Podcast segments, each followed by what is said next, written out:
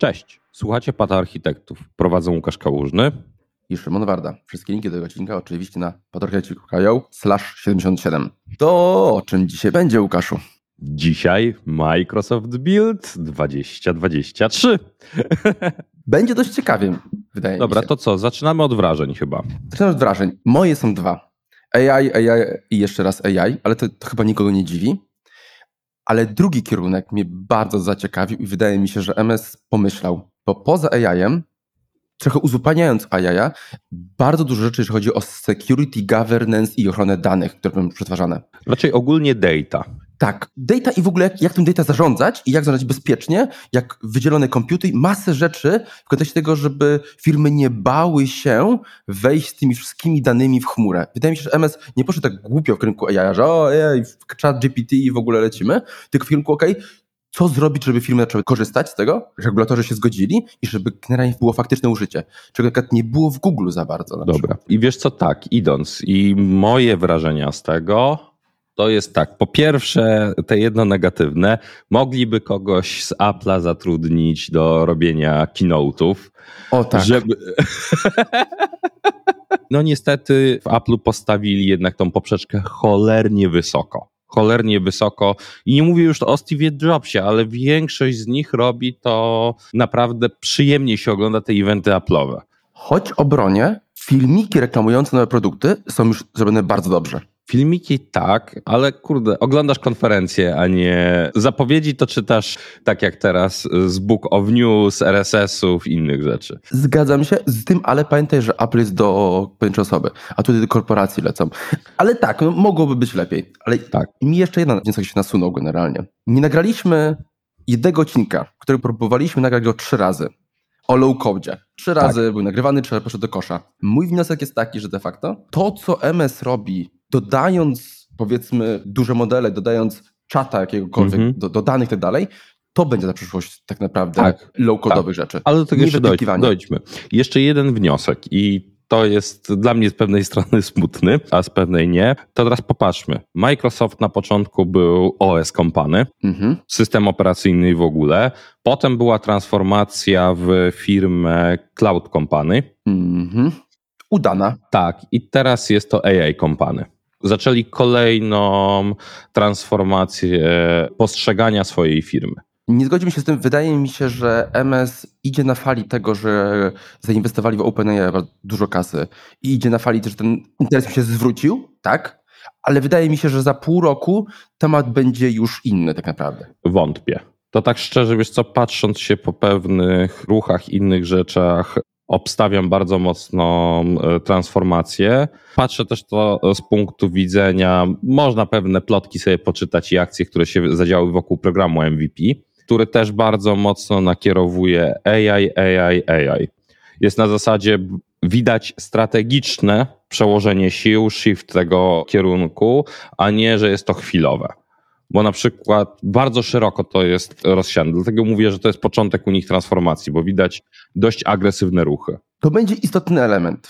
Wydaje mi się jednak, że dalej tym korem biznesu, bo po czym poznać, gdzie jest skupienie firmy? Po tym generalnie od czego Satya będzie miał najwięcej premii od rozwoju czego de facto. I o ile zgodzę się, że faktycznie będzie miał duży się na rozwój AI, to jednak tym źródłem najbardziej dochodowym będzie Azure zdecydowanie. Bo to co, będzie y- AI na Azure, a nie tak. sam AI jako taki. Tak, tylko chodzi o nakierowanie na co będą nakierowani, na jakie usługi. W kontekście usług to się zgodzę jak najbardziej, ale to dalej będzie Azure, będzie tym lejkiem. Tak, będzie, ale nacisk będzie dodajmy nowy plugin, nową integrację, zabezpieczmy to. To ty się szybko wyczerpie de facto.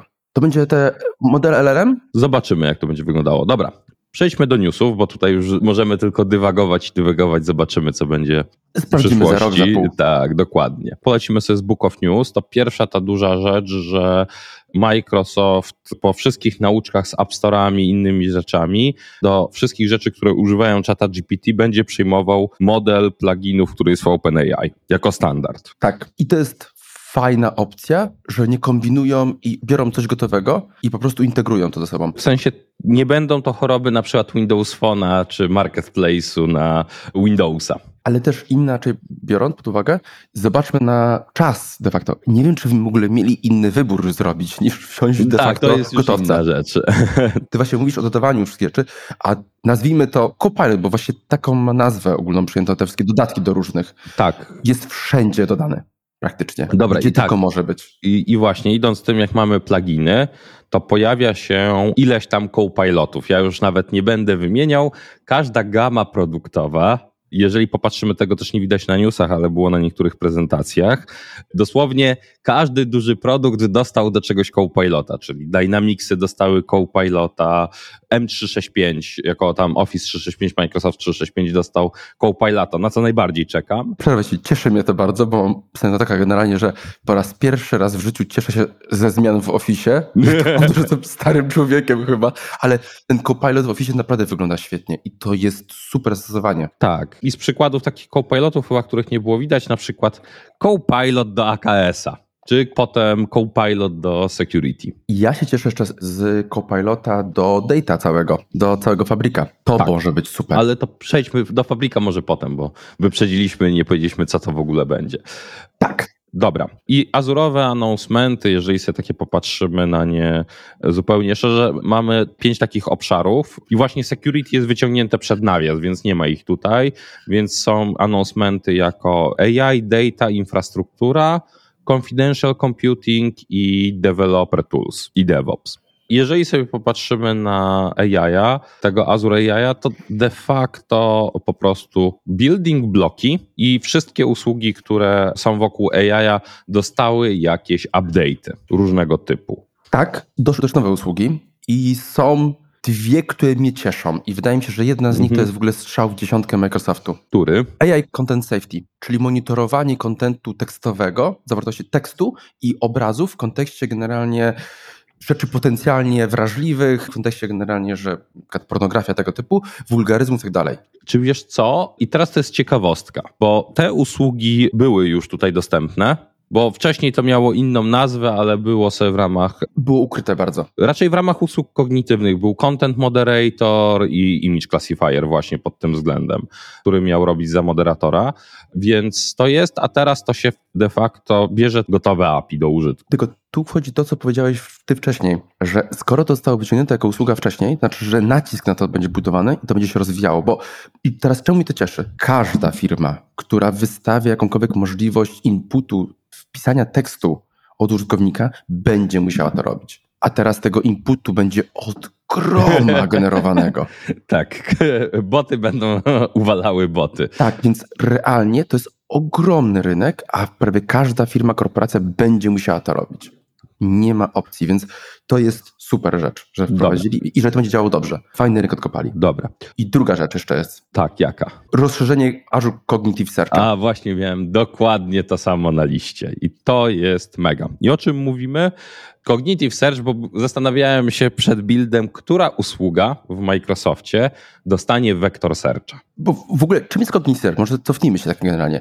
Kiedyś to było Azure Search, czyli obudowany Elastic slash Solar, tak naprawdę. Potem dostał kopa, że mogliśmy używać takich prostych rzeczy ML-owych, de facto kognitywnych na niego. A teraz dostał mega kopa, bo dostał LLM. Jeszcze dodajmy chwilę wcześniej, bo to jest ważne oprócz tych kognitywnych rzeczy, bo tam jest parę takich smaczków, które trzeba wiedzieć. Po pierwsze, zostały załadowane coś, co Microsoft ma pięknie zrobione, czyli słowniki synonimów gramatyczno-ortograficzne z Office'a, co pozwala o wiele lepiej przeszukiwać to. I druga rzecz, pozwala na automatyczne wrzucanie danych też nieustrukturyzowanych, jak PDF czy z Flow, właśnie ocerowanie i wrzucanie tego do tego searcha. Więc to jest też istotny element teraz tej układanki. Który też można było zrobić w Elastiku, ale tak, tak, zgadza się tak. jak najbardziej. A teraz został opcja integracji z modelami LLM i to będzie ciekawe.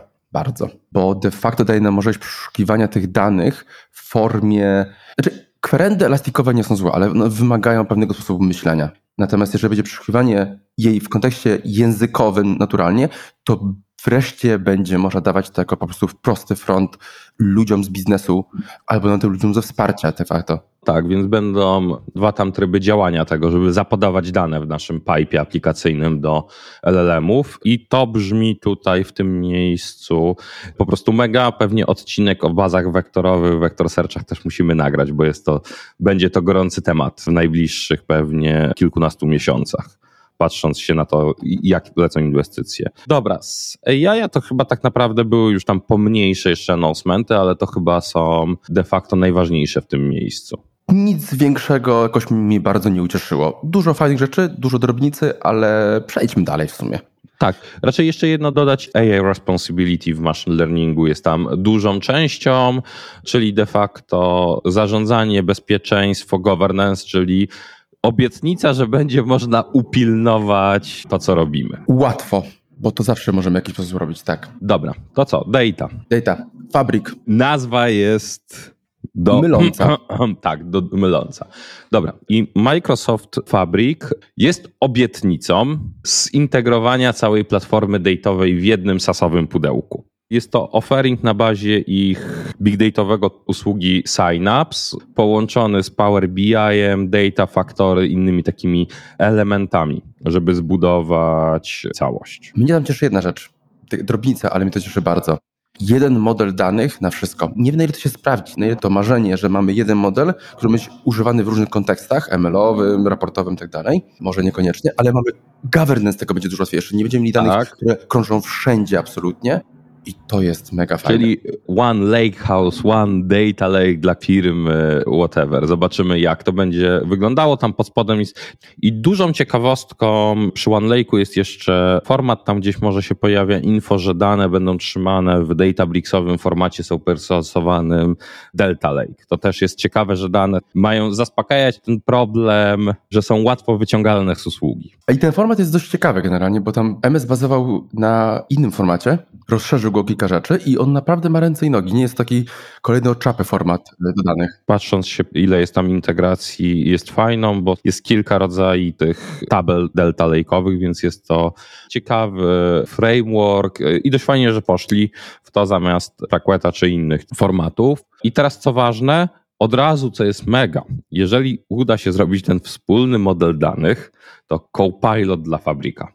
Tu widzę budowanie dashboardów właśnie się skończyło, jak to zadziała. Czyli dashboardy dashboardami, ale przede wszystkim... Ad hocowych raportów. O tak, tak, dokładnie tak. Raportów, które potrzebuje ten raport na wczoraj i potrzebuje coś specyficznego, takiego totalny one-off albo takiej eksploracji danych będzie dużo łatwiejsza, będzie to bardziej robił biznes de facto. Jeżeli to ładnie nie wypali, to będzie działało, ale wydaje mi się, że nawet gdyby teraz nie wypaliło w 100%, to będzie kierunek, gdzie będzie rozwijany. Raczej na pewno też Microsoft 365 to pokazuje, że to jest ten kierunek. Po prostu dla mnie to jest, bo nie wchodziłem jeszcze w szczegóły fabryka, jest tam pytanie, jak będzie wyglądał governance pod względem wspólnym master data, jak będą wyglądały zagadnienia z analityki, takie jak właśnie master data, wspólne miary i KPI dla organizacji i hierarchię. Bo jeżeli to będzie można tym zarządzić i powiedzmy, że nadpisać pewne rzeczy na to organizacji, to będzie potrafił być bardzo, bardzo pomocny. Nawet jeżeli teraz nie będzie, to MS zrobi zdecydowanie konkretny krok. Uwspólnił wszystkie usługi data, a tam była trochę drobnica i było tego dużo, pod jednym kapeluszem. Jeżeli nawet teraz tego nie ma, bo też nie zerkałem aż tak głęboko, to to będzie za chwilę w kontekście governance'u MS akurat jest dobry. Trzeba mi to przyznać. Dobra. I lecąc za tym dodatkowo, Power BI dostał trzy kopniaki, które nienawidzę trochę analityki, to jest to istotne. To jest ten Copilot w Power BI, jak można było się domyśleć. Ale dwie inne ciekawe rzeczy, które się pojawiły, to jest Power BI Direct Lake. To, co było takim wyrzodem na tyłku, że nie można było sięgać do data lake'ów bezpośrednio, czyli Power BI dostaje taki tryb integracji z data lake'owymi storage'ami z Azura. I druga rzecz, która jest ciekawa, governance i software develop lifecycle przyszedł do Power BI. Mamy Power BI Desktop Developer Mode, który pozwoli na integrację z Gitem, żeby mieć workflow gitowy. To jest taka pierdoła, ale bardzo cieszy, że ten engineering tam wpada. To może być pierdoła, ale to jest kolejny taki przesunięcie MS-u, że te rzeczy data są na, zaczęły być na tyle ważne i governance wokół i cały proces zaczął być tak ważne, że trzeba je ucywilizować. To już nie może być daj mi connection stringa do produkcji i polecę sobie. Dalej. Cosmos DB porobili różne rzeczy, ale są dwa takie ciekawe announcementy, jeżeli ktoś wykorzystuje to. Po pierwsze, hierarchiczne klucze partycji, co pozwoli, jeżeli ktoś umie modelować dane na strukturach key value właśnie NoSQL-owych, to pozwoli to naprawdę ciekawie budować dostęp do danych i tanio pod spodem. Taniej. Taniej. Tanio, tanio. tanio nie, taniej niż obecnie. O, to jest lepiej. Kosmos usługą tanią nie jest super. Jest usługą, która jest niezastąpiona w, nawet w innych chmurach. To jest to naprawdę sensowna usługa trzeba z niej, z niej korzystać. Jestem teraz ciekawy, którą opcję z ogłoszeń uznajesz za tą drugą ciekawą. Widoki zmaterializowane. O, widzisz, to... Dla ciebie też, czy nie? Nie. Powiem, że nie. Będzie się dało zrobić teraz dobre read modele. Ale mogłeś to wcześniej robić za pomocą funkcji triggerowanych. Ja wiem, tylko że, tak, tylko że zmaterializowany widok jest pod tym względem tańszy w obsłudze. Zgodzę się. Mnie dużo bardziej burst capacity ucieszyło. tak, to jest ciekawa rzecz. Bo to zmniejsza potrzebę tego strasznie upierdliwego zarządzania kosmosem, że trzeba w requestach monitorować, ile zostało i tak dalej, i tak dalej ten taki mm, ciężki, dodający dużo kosztu używania kosmosa, nagle to trochę schodzi i będzie lepiej po prostu. Więc łatwiej będzie po prostu kosmosa się używało. To jest dla mnie duży zysk, bo w implementacji po prostu będziesz czyściej. Dobra, to co, chyba z daty to wszystko, czy coś jeszcze tobie się rzuciło? Nie, tyle. Powiedzieliśmy wszystko. Mnie teraz dużo bardziej infrastruktura cieszy. No to chodźmy do infrastruktury. Dobra, pierwsza rzecz Azure Container Storage. Dokładnie też. Wielki banan na twarzy. Tak, wrzut na tyłku pod względem wolumeny w Kubernetesie ma zostać uspójniony, jeżeli chodzi o snapshotowanie, backupowanie, przenoszenie pomiędzy klastrami. Dobrze, to ja teraz jeszcze mam rzecz. Wyjaśnij o co chodzi, bo się tutaj hypujemy i wszystko fajnie. Nie wszyscy muszą wiedzieć co i jak jest tak, że Kubernetes ma sobie teraz coś takiego jak wolumeny, czyli różnego rodzaju dyski, które podpinamy sobie pod naszego Kubernetesa i wrzodem na tyłku jest to, że one istnieją tylko w kontekście klastra i snapshotowanie w zależności czy robimy to, możemy robić to z poziomu drivera w Kubernetesie, możemy robić to z poziomu chmury i zaczyna się robić, nie wiemy co robimy, jak, gdzie trzymamy, konfiguracja tego jest troszeczkę wrzodowata, bo na przykład jeżeli skasujemy klaster i zapomnimy wyciągnąć dysków z resource grupy technicznej klastra, to tracimy dane na przykład. I tutaj całość polega na tym, że dostaniemy usługę, która de facto wyrzuci te dyski przed nawias, przed klastry i pozwoli łatwo je przepinać i migrować pomiędzy różnymi klastrami. I to nie wydaje się niby jak jakaś straszna rzecz, ale w kontekście jakiegokolwiek disaster recovery, jakikolwiek backupów, odtworzenia, kopii, to jest straszne ułatwienie. Tym bardziej, że to możemy robić w całości i mamy spójność tych danych, w którym momencie się wydarzyły. Więc to bardzo cieszy nas z poziomu operacyjnego. Nie jest to jakiś feature, który nam zmieni strasznie dużo w aplikacji. Nie. Uprości cały operations. Dobra. I teraz jest takie coś, słuchaj, jeżeli przejdziemy, tutaj jeszcze są dyskusje na temat monitoringu, kosztów, to bym akurat odrzucił w ogóle. Tak naprawdę jedyną ciekawostką, której się boję, to jest Copilot do pytania o koszty. To jest z jednej strony ciekawe, z drugiej te rekomendacje różnie wyglądają. Tak, tutaj jakoś nie. Mnie cieszy Prometeusz bo tak trochę prześliznąłeś się przez niego. Cieszy mnie o tyle, że w tym momencie pytanie właśnie, czy MS pójdzie w kierunku Prometeusza, czy dalej będzie utrzymywał swojego monitora? Co w tym momencie wygra tak naprawdę? Wiesz co, nie. Raczej monitor zostanie i to jest moja rzecz. Prometeusz jest odpowiedzią dla klientów, którzy bez manage Grafana, manage Prometheus, więc to jest dla klientów, którzy chcą mieć ten stos Grafana Prometeusz, po prostu. Tak, ale będzie łatwiej go używać. I jednak MS nie idzie w tym kierunku, jakim szedł kiedyś, że to jest nasze narzędzie i korzystaj tylko z naszego narzędzia, ale jednak faktycznie Azure nawet pod względem no, monitorowania staje tak. się takim używaj czego chcesz. Tak. I tak nam zapłacisz. Dobra. Kolejną sekcją jest, nie wiem, ja chciałbym ją pominąć, nie wiem jak z twojej strony, to są announcementy z confidential computingu. Ja bym tam chciał powiedzieć jedną rzecz. To, że to się pojawia i to jest osobna sekcja i to, że tam tego trochę jest, detależ często, to jest to, co powiedziałem na starcie, że MS wyraźnie poszedł w kierunku generalnie, co musimy zrobić, żeby ludzie przynieśli dane do Azura, dane wrażliwe i żeby nie bali się ich używać. I to jest super uzupełnienie dla AI. Wydaje mi się, że bez tego nie byłoby tak dużej adopcji. Nie będzie tak, tak dużej adopcji. Ale tak, tu nie ma nic jakiegoś porywającego. Lecąc sobie dalej, to tak, mamy developer toolsy i tu już robi się ciekawie. Czy coś jeszcze? Tak, wchodzimy w toolsy i wchodzimy w to, o czym mówiliśmy parę odcinków temu, może parędziesiąt odcinków temu, co zrobił GitHub i teraz jest... Code Spaces. Code Spaces, ale też nie. Mówiliśmy o tym, jak, jak w GitHubie pracuje się na tym, że wszyscy mają zdalne maszyny i de facto tak, tak. to był Uber. Nie pamiętam już teraz. W Uberze chyba to było. W Google też to już whatever. Tak ale że de facto nie pracujemy na, na, lokalnych maszynach, tylko wszyscy mają maszyny zdalne, one się same sobie skalują do pracy z dużymi repo i tak dalej, tak dalej, tak dalej.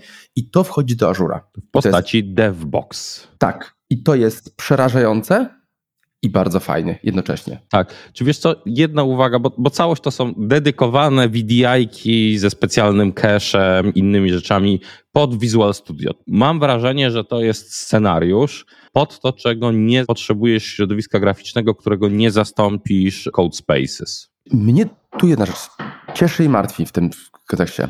To jest fajny sens dla, znowu, rzeczy AI-owych, bo możemy też rzeczy ładnie trenować, do dużych rep, bo te repa gitowe już nie są takie super małe i to fajnie się z tym pracuje.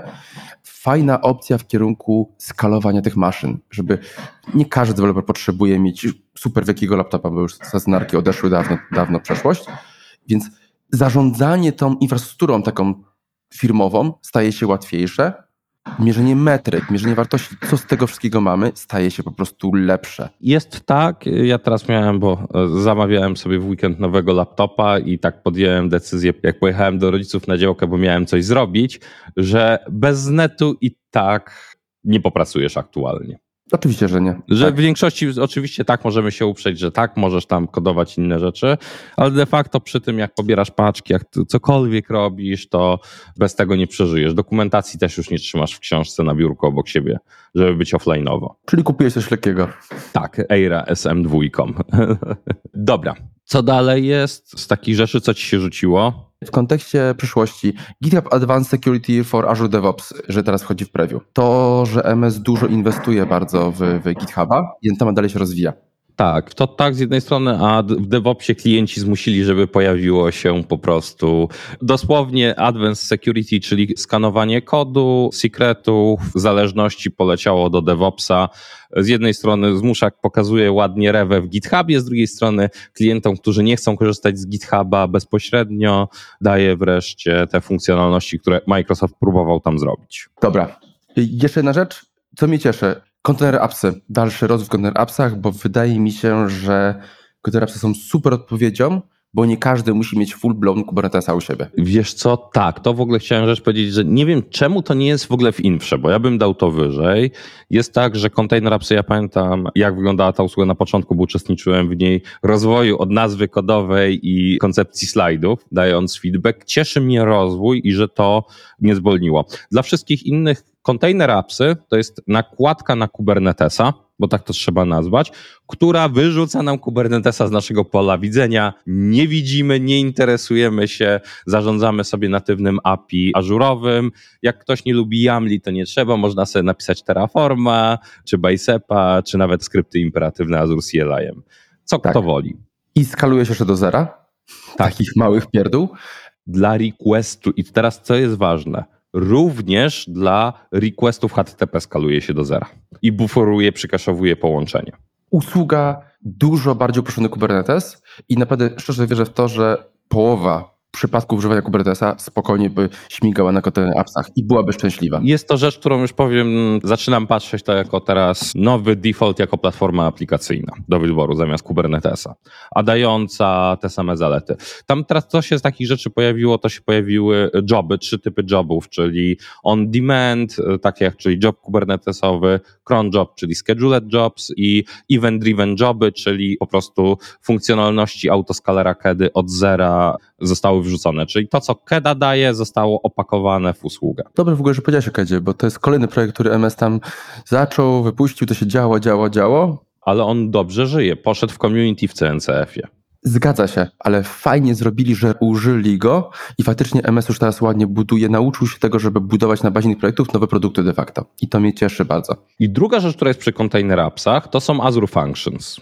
I ja to połączę. Dlaczego? Bo jest teraz dość ciekawy scenariusz, czyli po pierwsze Microsoft zaczyna mocniej promować znowu Dapra. On nie zginął, czyli bo w Container Appsach mamy też Manage Dapra. I teraz co się pokazało, to budowanie mikroserwisów z Azure Functions. Ale żeby deployment inne rzeczy nie były wrzodem na tyłku, to po pierwsze integracja Functions jest sobie z Daprem i hosting tego na Container Appsach, czyli jest powiedzenie, taki wzorzec, jak bezpiecznie zrobić dobrze mikroserwisy korzystając z Function, tam Pico serwisy, i będziemy chcieli mieć tego dużo, wrzuć to na Container Appsy. Zaczyna się pokazywać taki ciekawa droga użycia tego. Mnie to cieszy najbardziej. Zastanawiam się, czemu teraz ten kierunek rozwoju. No bo powiedzmy tak, hype na serverless minął. Jest to normalnie używana usługa. Wydaje mi się w takim razie, bo do czego się funkcje nadają? Do tego, że są fajnie wyizolowane i nikt nikomu nie będzie na łapki wchodził i ładnie zarządza kosztami. Więc wydaje mi się, że w kontekście rzeczy ML-owych, w kontekście właśnie rzeczy odnośnie AI, będziemy też więcej w przyszłości widzieli integracji właśnie z funkcjami. Takich właśnie funkcji jako integrator między danymi tak naprawdę. Czyli to, co kiedyś się działo z serverlessem dawno, dawno temu. Raczej glue. Tylko właśnie jak robisz te mikroserwisowe scenariusze, to wreszcie jest odpowiedź, że chcemy mieć nieduży system z pięcioma tam sześcioma mikrousługami i wreszcie będzie można tym cywilizowanie zarządzić, a nie kleić i mieć różne języki, ewentualnie to hostować i żeby to nie było takim wielkim narzutem dla organizacji, jak to utrzymać, co z tym w ogóle robić. I to jest fajne. Dobra. Z rzeczy takich pierdołowatych i ciekawych, co do kierunku tylko myślenia, po wszystkich wpadkach Microsoft nazwał teraz, bo ma swoją dystrybucję, która jest ładnie się nazywa Common Base Linux Mariner i trochę ją zrebrandował dla kontenerów, nazywa się Azure Linux, będzie teraz już domyślnym runtime'em dla AKS-ów. Czyli Microsoft chce uprościć i ownować cały stack po prostu, jak tylko może. To jest bardzo sensowne tak naprawdę. Tak. I druga rzecz, nie jest pełne Ubuntu, więc będzie dobrze wycięty footprint tego obrazu. Dobrze. Idziemy chyba dalej, bo tu już ja już żadnych większych ogłoszeń nie Wiesz widzę. Wiesz co, jest tak. I w developer community jedna rzecz, która była, wiadomo, że będzie. To nie ma co w ogóle robić, ale Microsoft Learn i dokumentacja będzie wkarmiona do Copilota, że tak powiedzmy, do pytania się do dokumentacji i też zostanie do GitHub Copilota to wpakowane. Więc to jest taka fajna ciekawostka gdzieś z boku. Teraz jestem ciekawy, jak sobie poradzą z halucynacjami modeli bo no to wiesz, no to będziemy, będziemy sobie patrzeć. Dobra, wiesz co tak, M365 sobie zostawmy, Edge jako przeglądarkę też, więc tak patrząc się dalej, no to co powiedzieliśmy, Power Platform e, i Governance, to jest chyba takie podsumowanie chyba całości tego i dodanie tam AI jeżeli popatrzymy na to, co dzieje się w low code. Tutaj nie ma sensu chyba w ogóle wchodzić troszeczkę nie nasze rzeczy. Jedna ciekawostka, generowanie aplikacji, czyli Copilot dla Power Appsów, czyli ułatwienie tworzenia złożonych multiekranowych aplikacji z poziomu naturalnej konwersacji z użytkownikiem. O ile wierzę w Copilota do wyciągania danych, to do tworzenia aplikacji mm, zobaczymy, no okaże się. No dobra, tak, to jest mocna ciekawostka. Kurde, zapomniałem o jednej rzeczy w całości i się cofnę. Nie powiedzieliśmy o API Center, mhm. czyli API Management Microsoftowe do zarządzania całością naszych API, które wystawiamy, czyli nie API Gateway jako sobie per se w jednej aplikacji, tylko całym ekosystemem w firmie, żeby to publikować, zarządzać, unifikować. Dostał teraz właśnie produkt, który pozwoli nam zbudować i zaprezentować wszystkie nasze API w jednym miejscu. Tak jak już mówimy o API-mie, to jest jeszcze drugi element, który nawet będzie zainteresuje niektórych naszych klientów. WebSockety, pass-through. Tak, to jest taka pierdoła, ale ratuje sytuację to jest, czy znaczy pierdoła, pierdoła faktycznie, ale to jest, był przypadek, gdzie faktycznie nagle API nie był takim fajnym rozwiązaniem, a jak już mamy passthrough na właśnie WebSockety, to okaże się, że będzie miał wiele więcej zastosowań. Po prostu. Dobra. I co? Ostatnia działka security. Więc na początek zabawki do klasyfikacji source code'ów, oczywiście z machine learningiem, jakby inaczej, z AI-em, więc to pierwsza taka duża zabawka która się pojawiła właśnie z tym i jeżeli mamy nasz kod, próbuje go sklasyfikować. O tak to ładnie można określić pod względem wrażliwości danych osobowych, innych tego typu rzeczy, które tam latają. Jestem ciekawy, czy to jest częściowo odpowiedź na, na to, co mówiliśmy chyba dwa, trzy odcinki temu odnośnie właśnie podejścia do security, odnośnie rzeczy open source'owych. No, właśnie to jest albo open source'owienia. Więc zobaczymy sobie, to duży potem jest coś, co pojawiło się już publicznie, czyli Microsoft External ID.